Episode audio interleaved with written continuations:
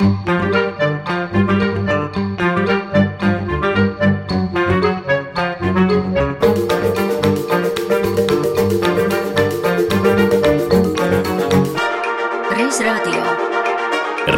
radio ar šodienas skatu pagātnē.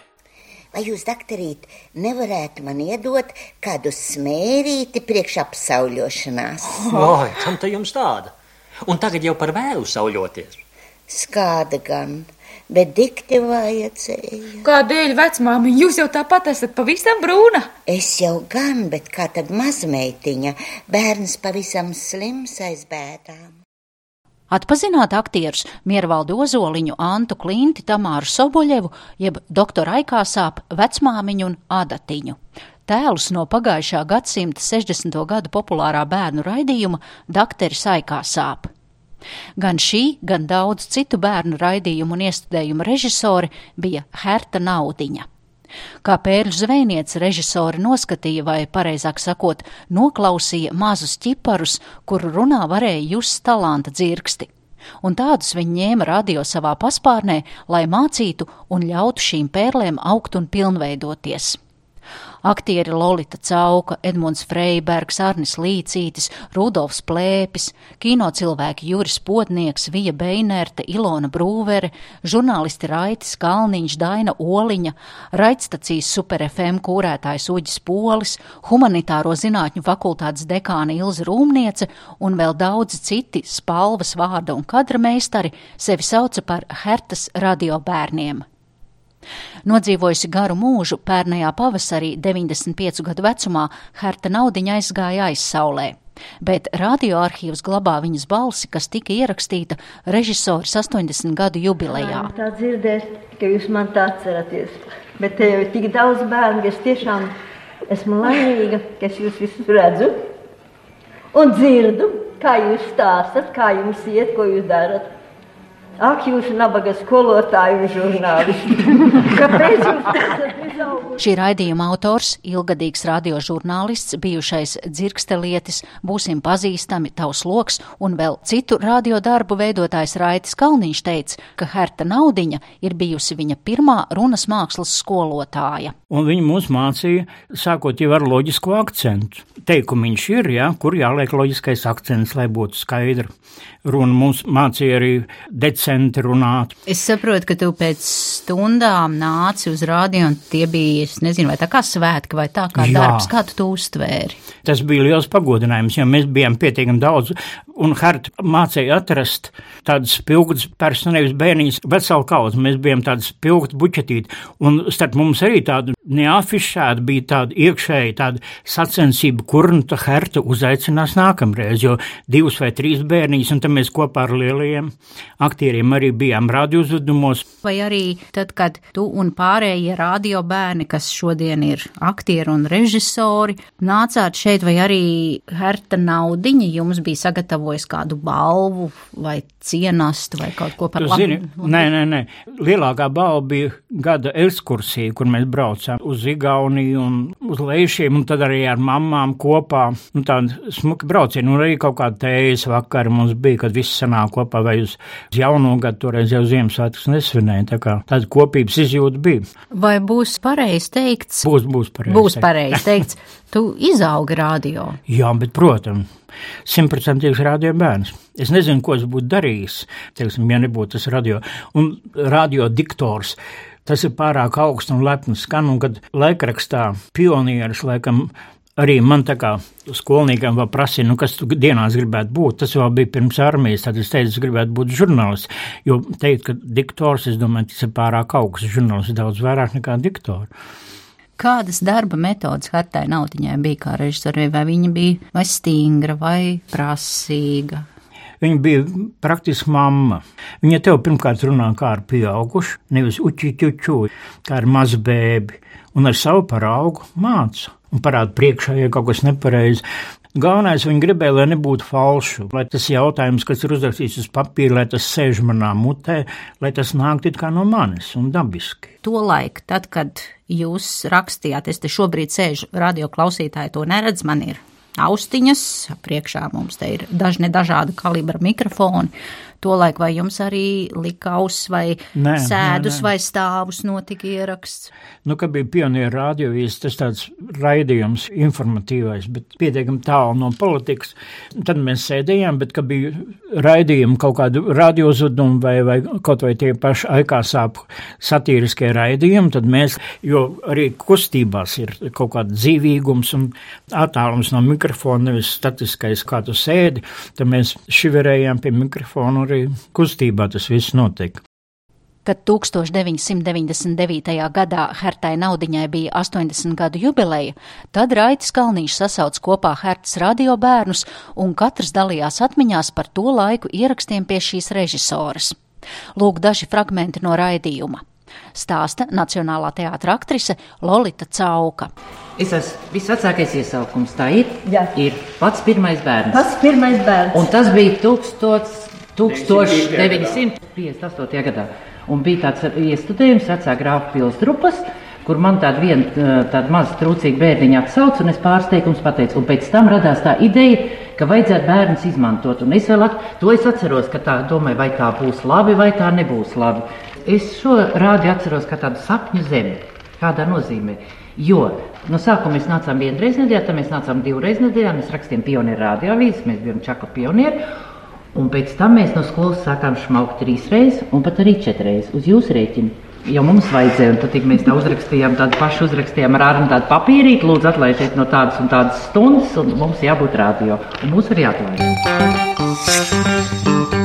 Reiz radio. Maza, maza meitenīte, te pa ceļu dziedādām, trārā,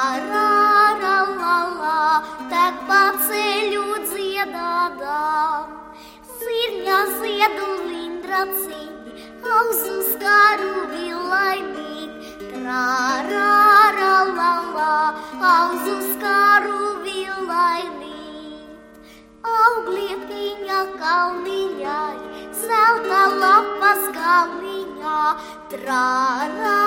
la, la, zelta lapas Tā 1966. gadā dziedāja mazā Ilze Vēze, kura paaugoties turpināja darboties pionieru radioavīzes iestudējumos, bet tagad zināma kā sengrieķu valodas speciāliste un Latvijas Universitātes humanitāro zinātņu fakultātes dekāne Ilze Rūmniece. Atnākot šeit, es vienmēr tā pirmām kārtām, es pat vēl nedomāju, kas būs un notiks, bet pirmām kārtām es tomēr uztvēru mūsu režisorīti Hertu Nautiņu kā savu radio mammu. Un ne tāpēc, ka viņa man briesmīgi apčubinātu un teikt, Ilzīt, vai tu cimdīgs nenomet un kas tev tur tā. Bet tāpēc, ka jā, viņai bija tas tāds smaids un vēl kaut kas nepasakāms klāt. Un viena daļa no tā tomēr ir pasakāma. Tāpēc, ka nu, tiešām, kad sēdēju pie mikrofona un kādreiz tiešām ar, ar lieliem un slaveniem aktieriem, man vienmēr visvairāk bija nērti tā, ka es nojaukšu tagad to ieraksta brīdi, un, teiksim, un man nāksies aizrādīt, un režisorīt ieslēgs to skaļumu un teiks, ilzīt to tumpu. Un es kaut kā neatceros, vai nu vienmēr tas iznāca tik, tik, tik mātišķi, taktiski, vai kā citādi, bet, bet man bija vienmēr tāda sajūta, ka mani nenoliek nemaz zemāk par tiem klātesošajiem lielajiem un, un galvenajiem aktieriem. Gaitiņi te plaši, un kabinetu arī daudz. Matemātikas kabinets, elektroiekārtu būvas kabinets, ultraīsvinu raidstacija. Elektronikas laboratorija. Andri, varbūt mēs esam nomaldījušies un iekļuvuši kādā blakus esošā institūtā vai zinātniskā iestādē. Nevar būt. Pavēro ilzi darbiniekus, kurus skraida pa gaiteņiem. Viņu gaitē vēl trūks cienīgumu. Tiešām, pionieru vecums nodod. Pirmajos pēckara gados Ļeņingradas rūpnīcas strādnieki saviem bērniem pilī iekārtoja tehniķu pulciņu. Tagad jaunajiem tehniķiem daudz šefu - rūpnīca, elektrosila, kuģa būvis rūpnīca, Kiro vārdā nosauktā Mežu tehnikas akadēmija un Ļeņingradas padomas vārdā nosauktais Tehnoloģiskais institūts. Šefi rūpējas, lai zēni un meitenes pionieru pilī darbotos ar pašām jaunākajām ierīcēm un aparātiem, lai iepazītos ar jaunākajiem zinātnes un tehnikas sasniegumiem. Vai jūs ievērojāt Lelli pionieru formas tērpā? Jā, Jau pagājāt tai garām? Nē, Tad izdariet to. Tas bija fragments no pionieru radioavīzes, kurā bērnu drāmas ansambļa dalībnieki Ilze Vēze un Andris Gailīts tēloja ekskursantus toreizējā Ļeņingradas pionieru pilī, tagadējā Sanktpēterburgas Aņičkova pilī. Pilslomā jūs dzirdējāt aktrisi Elzu Radziņu. Kā jau minēju, ne tikai bērnu raidījumi bija Herts naudiņas režisēti, bet arī raidlugas. Viena no tādām - Trīsļipis, ierakstīta 1968. gadā. Par to savus komentārus ir Raitim Kalniņam. Ziniet, es biju kādreiz vienkārši sajūsmā, kad pirms raidlūgas trīsļips, starp citu, Harta naudiņu jūsu zināšanai ir šī radiouzveduma režisora, diktors svinīgā balsī lasīja. Vecais āzes, Republikas tautas skatos mākslinieks Alfrēds Jaunušāns, Cūka, Republikas nopelniem bagātā skatos mākslinieca Helēna Romānova. Nu, lūk, un šeit ir saglabāts tās viņa balsis. Stīcīti varoni garasi, tava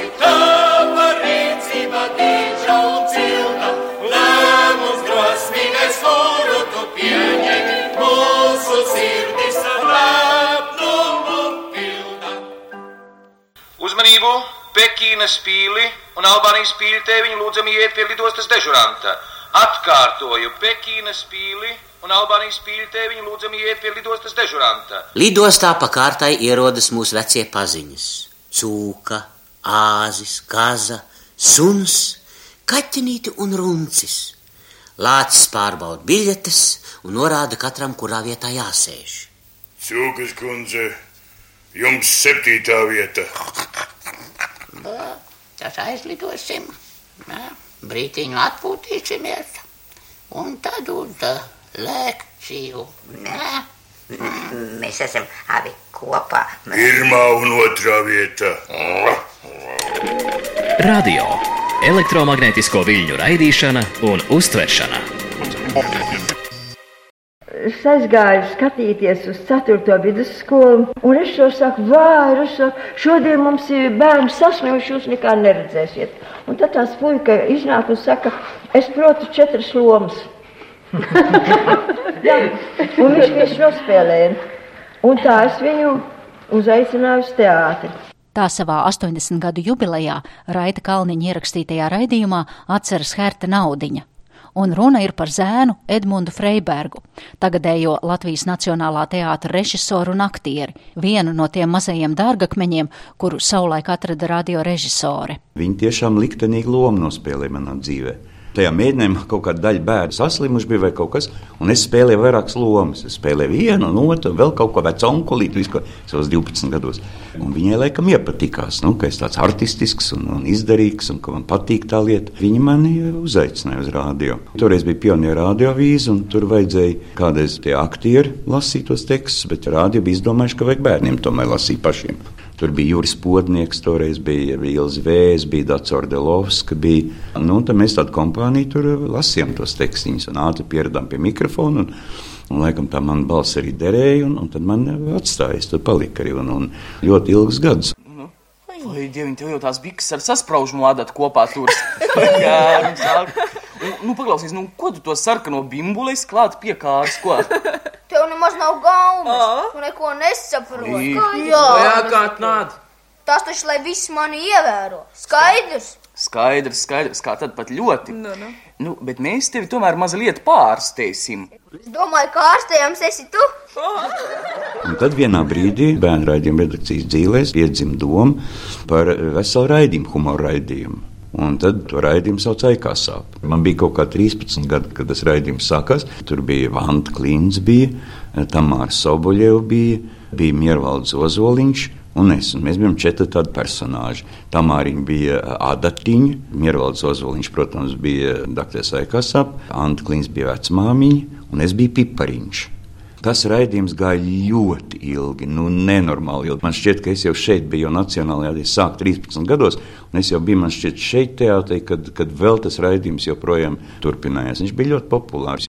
Grāmatā Latvijas Radio 75 varam lasīt Hertas naudiņas atmiņas.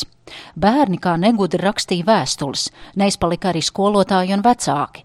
Reiz dzirdot Klintītes, tas ir aktrises Santas Klints tēlotās vecmāmiņas sūkstīšanos par saviem izlutinātajiem mazbērniem Baibiņu un Dūdiņu, kāda radioklausītāja svētā nopietnībā aicināja vecmāmiņu pārnākt dzīvot pie viņiem laukos, kas nekaitēs, pašiem savu gotiņa, cūciņa, plašs dārs, vienmēr sakot, visa diezgan. Paklau puisīt, teica kāda sieviete zēnam, kas ar savu velosipēdu brauca pa ietvi un pagrūda viņu. Nu, vai tad tu nemāki zvaniņu paskandināt? Kādēļ ne? Zvanīt es protu, tikai braukt vēl neesmu iemācījies.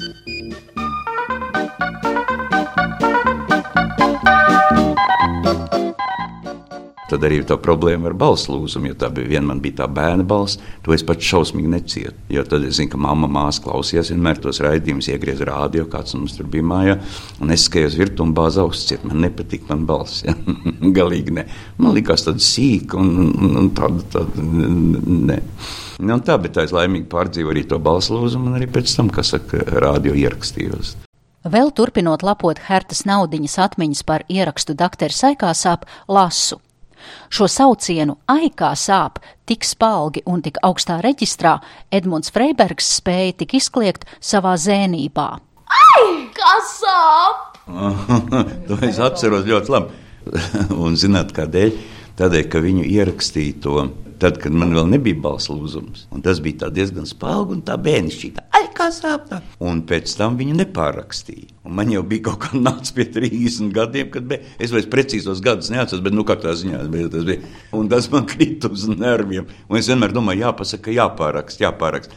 Bet beigās domāju, nu, varbūt arī, ka nevajag. Un tā, tā mana bērna balss no tiem 13 gadiņiem, tā tas saglabājas tajā spiedzienā. Nu, nu, tā, tā lieta ir pavisam vienkārša ņem no plaukta jebkuru grāmatu. Jā.